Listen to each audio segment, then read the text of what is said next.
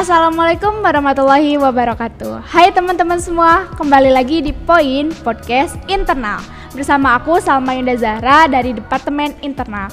Aku kali ini e, berkesempatan sebagai moderator di podcast. Nah, gimana nih kabar teman-teman semua? Semoga kabarnya tetap baik dan sehat. Semoga kita semua terlindung dari vir virus Covid ini. Nah, teman-teman, Kali ini kita kedatangan bintang tamu ataupun narasumber yang luar biasa yaitu Kang Louis Aprilia Pratama. Nah, Kang Louis ini adalah uh, mantan ketua himpunan PSTI Masa Bakti 2020 dan sekarang menjabat sebagai ketua BEM Hima ketua BEM UPI Kampus Purwakarta. Boleh Kang saya hai dulu ke teman-teman semua. Halo teman-teman, nama aku Luis. Sekarang alhamdulillah aku di BEM sebagai ketua dan sebelumnya tadi juga benar aku di Hima PSTI alhamdulillah udah 2 tahun dan sekarang harus beranjak pergi ke BEM. Paling gitu aja sih. Wah, mantap nih teman-teman dari Hima sekarang di BEM UPI Kampus Purwakarta ya. Nah, gimana nih Kang kabarnya? Alhamdulillah untuk kabar saat ini sehat ya walaupun dilanda banyak kesibukan ada uas belum juga ada tugas belum ada ya tugas sama program kerja di BEM ya sejauh ini alhamdulillah masih sehat dan semoga selalu sehat sih keren banget sih ya Kang ini bisa stabil gitu ya yeah. antara kampus dengan organisasi ya, stabil gitu. di stabil stabilin lah insya Allah oke okay. nah aku juga uh, mengucapkan banyak terima kasih kepada Kang Louis yang uh, di mana pada kesempatan kali ini bisa hadir di tengah-tengah kita untuk bisa membahas mengetahui tentang hima PSTI tersendiri gitu. Oke, nah dari teman-teman pastinya nggak sabar nih tentang pembahasan podcast poin kali ini. Uh, nah kali ini podcastnya akan mengisi tema Hima PSTI gitu teman-teman. PSTI itu Pendidikan Sistem Teknologi Informasi. Nah aku di sini ada beberapa pertanyaan nih yang akan ditanyakan kepada Kang Luis sekaligus mewakili teman-teman semua yang ingin bertanya. Yang okay. pertama nih Kang, uh, boleh gak sih diceritain gimana pembentukan Hima PSTI pertama kali? Oke, pembentukan Hima ya? Iya betul. Ya sebenarnya kalau untuk pembentukan himpunan mahasiswa PSTI sendiri itu sudah dilaksanakan di tahun pertama. Kebetulan kan angkatan 18 dan PSTI juga merupakan prodi yang baru ya. Nah, saat itu kita memutuskan untuk membuat himpunan karena kenapa? Pertama, memang dari tiga prodi yang ada di tahun 2018 hanya Hima PSTI yang belum punya himpunan karena prodinya baru.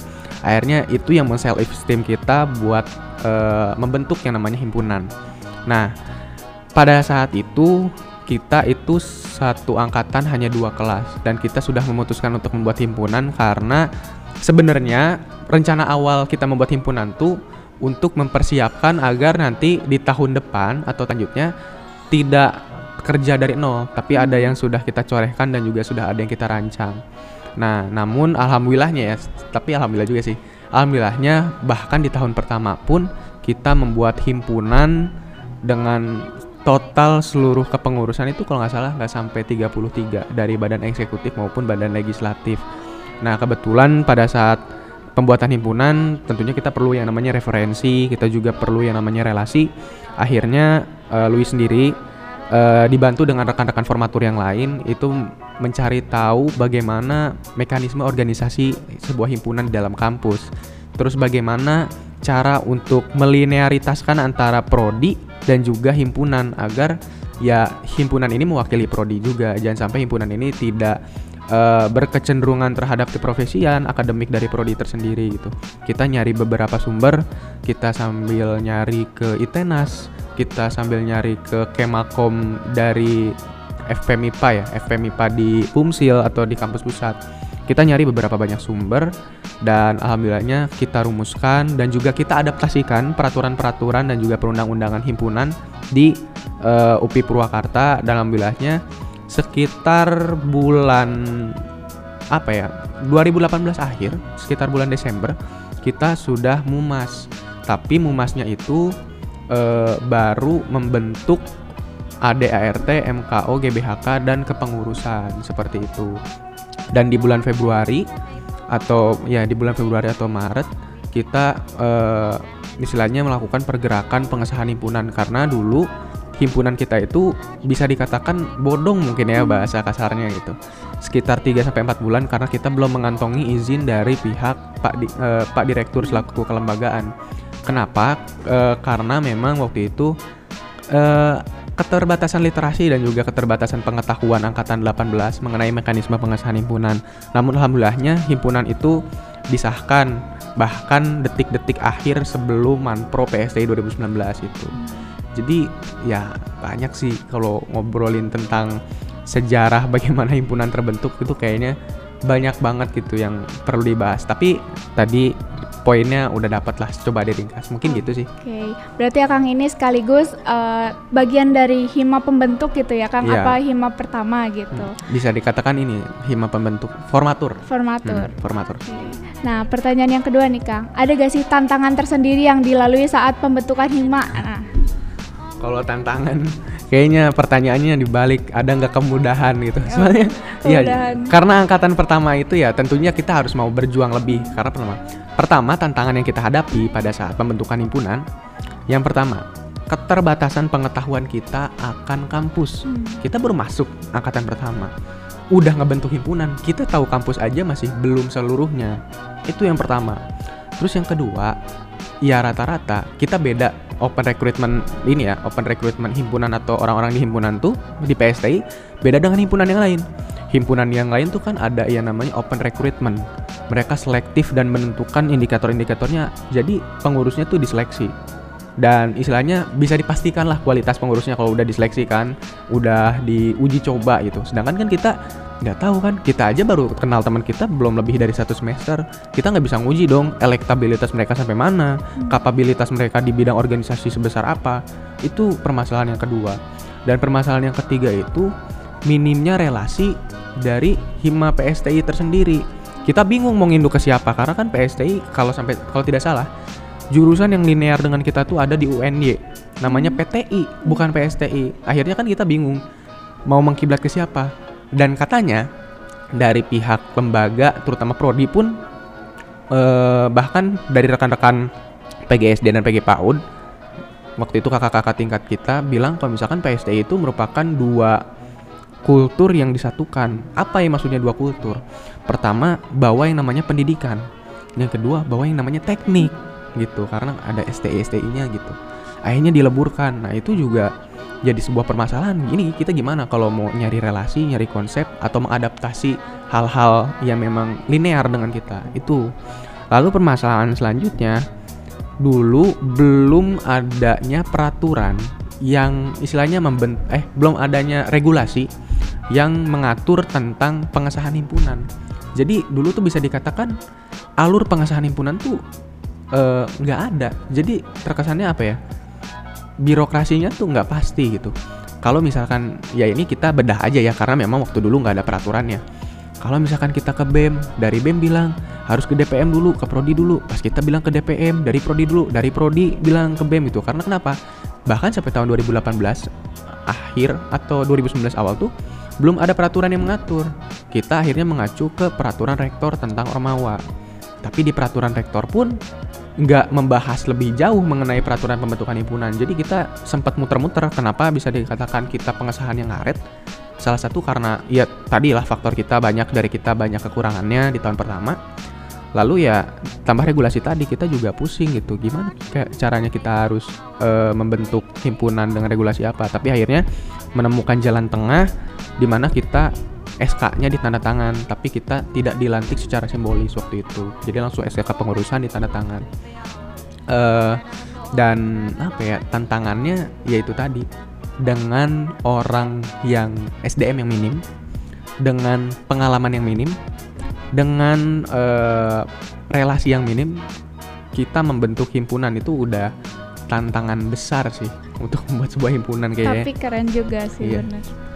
Oke, nah selanjutnya mungkin tadi kan uh, dari pembentuknya sendiri. Nah, kalau misal dari prodinya sendiri atau lembaga uh, saat angkatan Akang memutuskan untuk pembentukan hima di angkatan pertama gimana Kang responnya? Oke, kalau dari secara apa ya, perspektif dan juga pernyataan sikap dari kelembagaan, justru prodi PSTI sangat mendukung bahkan mensupport penuh untuk pembentukan himpunan karena kenapa? Pertama, Karena pertama biasanya yang mengadakan event atau mengadakan acara yang berorientasi kepada mahasiswa itu biasanya himpunan daripada lembaga. Kalau lembaga kan cenderungnya ke akademik, administratif.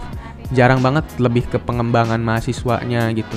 Jarang banget lebih ke orientasinya tuh tentang kompetensi, minat dan bakat mahasiswanya. Dan kenapa lembaga atau prodi PSTI tersendiri sangat mendukung terutama dari Pak Supri selaku Kaprodi? Karena memang himpunan mahasiswa merupakan salah satu aspek yang dapat menunjang akreditasi prodi. Karena kan semakin banyak event yang kita lakukan, ekskalasinya semakin luas, semakin banyak prestasi yang kita raih maupun prestasi yang kita fasilitasi kepada rekan-rekan di luar Hima PSTI, di luar prodi atau di luar kampus, itu juga bisa meningkatkan eksistensi pertama. Prodi juga ya istilahnya gini. Eksistensi prodi itu bisa dikatakan presentasinya besar di Hima. Kita bisa melihat bagaimana Hima itu berkembang, biasanya prodinya bagus, biasanya ya. Lalu yang kedua, ya biasanya kalau dari kelembagaan sendiri mengadakan acara tuh ya berorientasinya tuh ke akademik. Tapi kalau misalkan pengembangannya di luar akademik biasanya himpunan. Nah, jadi dua hal itu dirasa sudah didukung penuh bahkan bisa dikatakan mereka juga menyarankan kita untuk membentuk secepat-cepatnya gitu karena lebih cepat lebih baik walaupun uh, dengan segala keterlambatan kita dan juga dengan segala kekurangan di tahun pertama tapi Prodi tetap mensupport penuh dan juga tetap mendukung pergerakan dari himpunan tersendiri sih. Itu sih. Oke, berarti ada respon baik gitu ya Kang yeah. ya iya. dari Prodi di, sudah di angkatan Pratma. Nah, oke. Mungkin selanjutnya ada gak sih pengalaman atau kejadian yang gak bisa dilupain saat pembentukan Hima sendiri gitu Kang? Oke. Kalau kejadian yang emang gak bisa kita lupakan di pembentukan Hima itu ada sih, ada beberapa. Mungkin bahkan mungkin boleh mengacu ke saat Hima udah terbentuk di tahun pertama ya. Oke, boleh. Yang paling kita gak bisa lupakan di kepengurusan pertama yaitu adalah manpro, manpro. atau pengkaderan.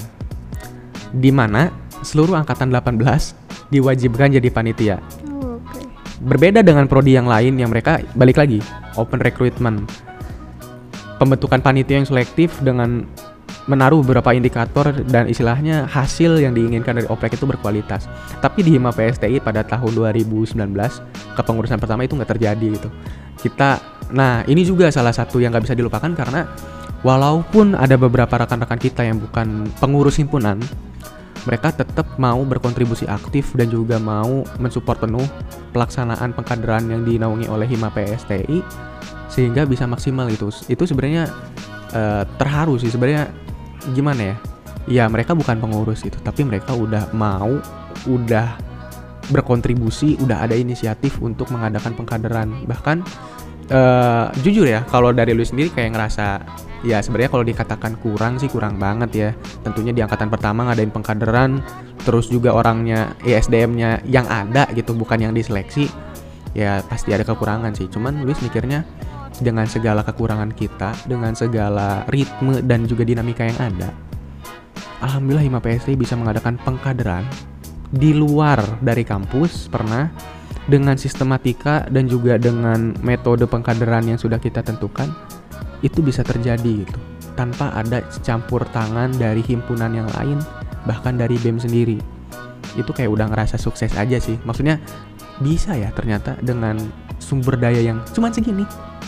Dengan pengetahuan kita cuma segini tapi pengkaderan alhamdulillah ya bisa dibilang sukses. Kalau sukses secara indikator luas sih enggak. Tapi kalau kita mikirnya gini di tahun pertama loh kita dengan sumber daya segitu masa sih nggak sukses gitu? Jadi itu sih yang benar-benar gak bisa dilupain dan yang kedua itu ya stuban ke ini ya studi banding ke PTI tadi PTI. PTI itu merupakan salah satu prodi di UNY Fakultas Pendidikan Teknik Juruan kalau nggak salah FPTK Iya, di sana juga kita banyak mengadopsi sumber-sumber proker, banyak mengadopsi bagaimana cara mekanisme berorganisasi gitu. Itu di uh, eh, UNY gitu. Tapi selebihnya dua hal itu sih yang berkesan yang memang uh, bisa dikatakan angkatan pertama tuh struggle-nya dan terlihat itu di situ sih gitu. Oke, berarti di situ juga kayak titik awal pembentukan hima terbentuk gitu. Iya, Jadi, itu sukses dari situ ya Kang ya. Oke. Nah, untuk selanjutnya nih Kang, suka duka yang dirasakan Akang selaku Hima dan juga ketua mungkin dulunya ketua Hima di angkatan pertama apa Kang? Suka dukanya ya. Oke, kalau ya? Kalau sukanya sendiri ya tadi ya dua hal tadi yang udah disampaikan. Kalau untuk dukanya ya sebenarnya Akang juga bisa dikatakan berhak berduka atau tidak berhak berduka juga nggak tahu ya. Karena ya satu sisi ketika aku sendiri berduka karena melihat keadaan Hima PSTI yang masih dikatakan jauh dari stabil itu sih dukanya itu karena kenapa? Nah ini juga mungkin salah satu bukan keluhan ya keadaan faktual jadi yang pertama tuh banyak karena angkatan pertama, jadi banyak mahasiswa yang masuk ke himpunan tuh hanya untuk eksistensi dan coba-coba.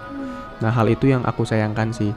Dan nggak menutup, uh, aku juga nggak menutup-nutupi kalau misalkan di angkatan pertama tuh ada yang sampai keluar, ada yang sampai masuk hima berorientasinya uang, ada yang masuk hima dengan tujuan lain gitu narasinya. Sebenarnya sih kalau dengan tujuan lain nggak apa-apa asal misal ya misalkan win-win solution gitu. Dari dianya ingin apa tapi dari dianya memberikan apa. Jangan sampai dianya menginginkan tapi tanpa memberikan apa-apa. Itu lebih ke pengurus dukanya. Terus juga ya dari elektabilitas pengurus dan Luis pun sendiri ngerasa kurang banget. Karena di tahun pertama jujur bukan di eksekutif ya. Di tahun pertama tuh Luis malah di legislatif. Dan dukanya sih sebenarnya entah duka atau suka ya. Jadi di tahun pertama bahkan sampai akhir mau demisioner di tahun pertama kayak ngerasa ya Luis baru taunya dukanya Luis ternyata Luis bukan tipikal legislator. Hmm. tipikalnya eksekutor itu juga dukanya. Dan banyak sih teman-teman yang ternyata mereka baru menemukan tipe kerja mereka apakah mereka eksekutif atau legislatif di situ. Ya mungkin itu bukan suka duka tapi keadaannya lah ya. Cuman ya tadi sih yang disayangkan waktu kepengurusan pertama banyak yang memiliki orientasi tujuan lain tanpa memberikan apa ya yang worth it gitu. Memberikan sih memberikan ada cuman nggak worth it aja. Dan terakhir mungkin ini duka yang emang selalu Luis jadiin quotes di berbagai organisasi ketika kejadian ini. Uh, jadi waktu di Hima angkatan pertama uh, ada yang berdalih. Kalau misalkan aku nggak ngerasa jadi keluarga di Hima. Hima tuh bukan support system aku gitu. Hima tuh nggak ngeduk apa ya nggak bikin aku nyaman kayak gitu. Ya sebenarnya ya salah kita juga misalkan ya nggak bisa bikin tempat atau wadah yang nyaman buat mereka gitu. Cuman yang sedihnya gini sih ketika kita mau berkontribusi dalam sebuah organisasi yang dipoinkan tuh pertama tanggung jawab kok kata Luis kekeluargaan tuh nomor dua jujur. Karena kenapa? Kadang kita punya temen yang so yang kita ngerasa dia sahabat kita tapi kalau dia nggak kerja di organisasi buat apa? Buat apa kekeluargaan kalau tanggung jawabnya nggak ada Nah, Luis malah lebih milih ya dia bertanggung jawab tapi nggak deket. Jujur ya, kalau organisasi kita ranahnya profesionalitas. Walaupun himpunan mahasiswa dengan asas kekeluargaan, tapi yang penting jangan ninggalin rasa tanggung jawab. Soalnya gitu, dia bilang, oke okay, aku nggak ada support system, aku nggak terasa nyaman. Kalau misalkan nggak ngerasa nyaman, ya udah, dia tinggal datang, beresin proker, pulang gitu. Nggak harus ninggalin proker juga. Itu yang Luis sesali gitu. Kenapa nama kekeluargaan ini dijadiin embel-embel buat ninggalin proker padahal kan kalau kita berbicara pelantikan ya di pelantikan juga kan udah diikrar.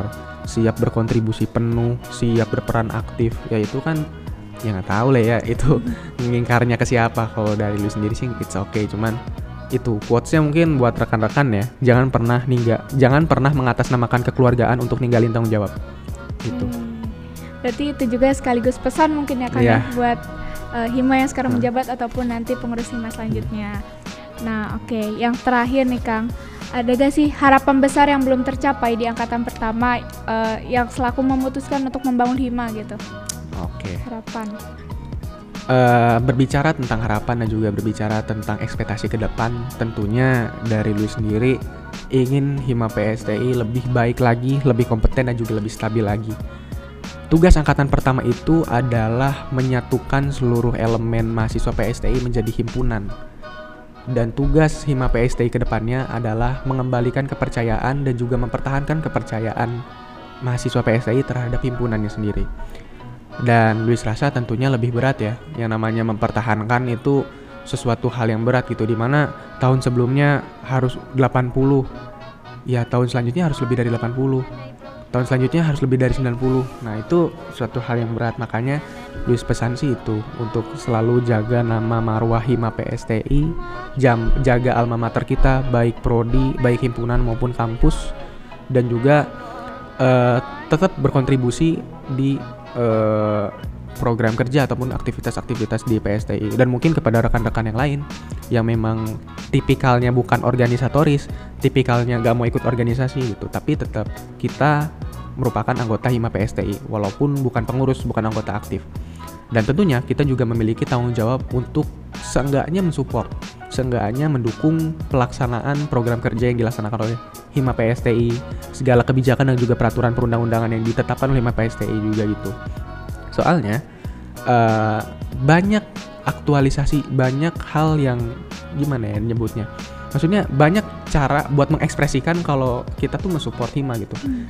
Teman-teman nggak perlu masuk Hima buat mensupport Hima. Cuman ikut kepanitiaannya aja atau nggak ikut sebagai peserta atau ikut sebagai fasilitator. Yang penting teman-teman berkontribusi gitu. Banyak bentuk berkontribusi. Bukan hanya dengan ikut, bukan hanya dengan jadi ketua, ketua departemen, staff, enggak. Tapi lebih dari itu. Teman-teman juga di saat misalkan ada publikasi terus dibagikan ya itu juga sebuah langkah kontribusi sih buat teman-teman semuanya gitu. Dan tentunya balik lagi ya siapa lagi kalau bukan Hima gitu yang bakalan mengadvokasi bakalan mengaspirasikan hal-hal yang teman-teman inginkan gitu. Intinya itu sih kalau harapan yang terpenting semoga Hima PSTI ke depannya bisa lebih ya meningkat lagi lah dan nggak masalah gitu apakah di tahun ini mau lebih ke pergerakannya di tahun ini mau lebih ke program inter apa event entertain atau tahun depan mau ke penulisan silahkan. Setiap tahun itu punya ciri khas dan juga punya keunikan tersendiri. Tapi yang penting selalu jaga citra PSTI jangan sampai tercoreng lah gitu. Sudah kita bangun dari angkatan pertama dan dari kita mempercayakan ke rekan-rekan semua mangga Hima PSTI mau dibawa ke mana seperti apa yang penting tetap bisa baik dan juga tetap bisa lebih optimal lagi itu sih. Oke, nah gimana nih teman-teman? Semoga pemaparan dari Kang Luis ini bermanfaat dan juga bisa uh, menambah apa ya, kayak semangat kalian gitu. Mungkin uh, bisa untuk mensupport Hima hmm. ataupun bisa jadi bagian Hima nanti ke iya. depannya. Yeah. Kang ya. Terima kasih kepada Kang Luis yang telah yeah. memaparkan Hima PST ini. Semoga teman-teman semua uh, ingin selalu tahu lebih banyak lagi tentang Hima PSTI ataupun tentang uh, pemaparan dari podcast selanjutnya. Nah, uh, mungkin segitu dari kami selaku Poin. Saya Salma Yunda Zahra pamit undur diri. Mohon maaf bila ada salah kata ataupun perbuatan. Kurang lebihnya mohon maaf. Sampai jumpa di poin selanjutnya. Sampai jumpa. Dadah. Assalamualaikum Bye, warahmatullahi wabarakatuh. Waalaikumsalam warahmatullahi wabarakatuh.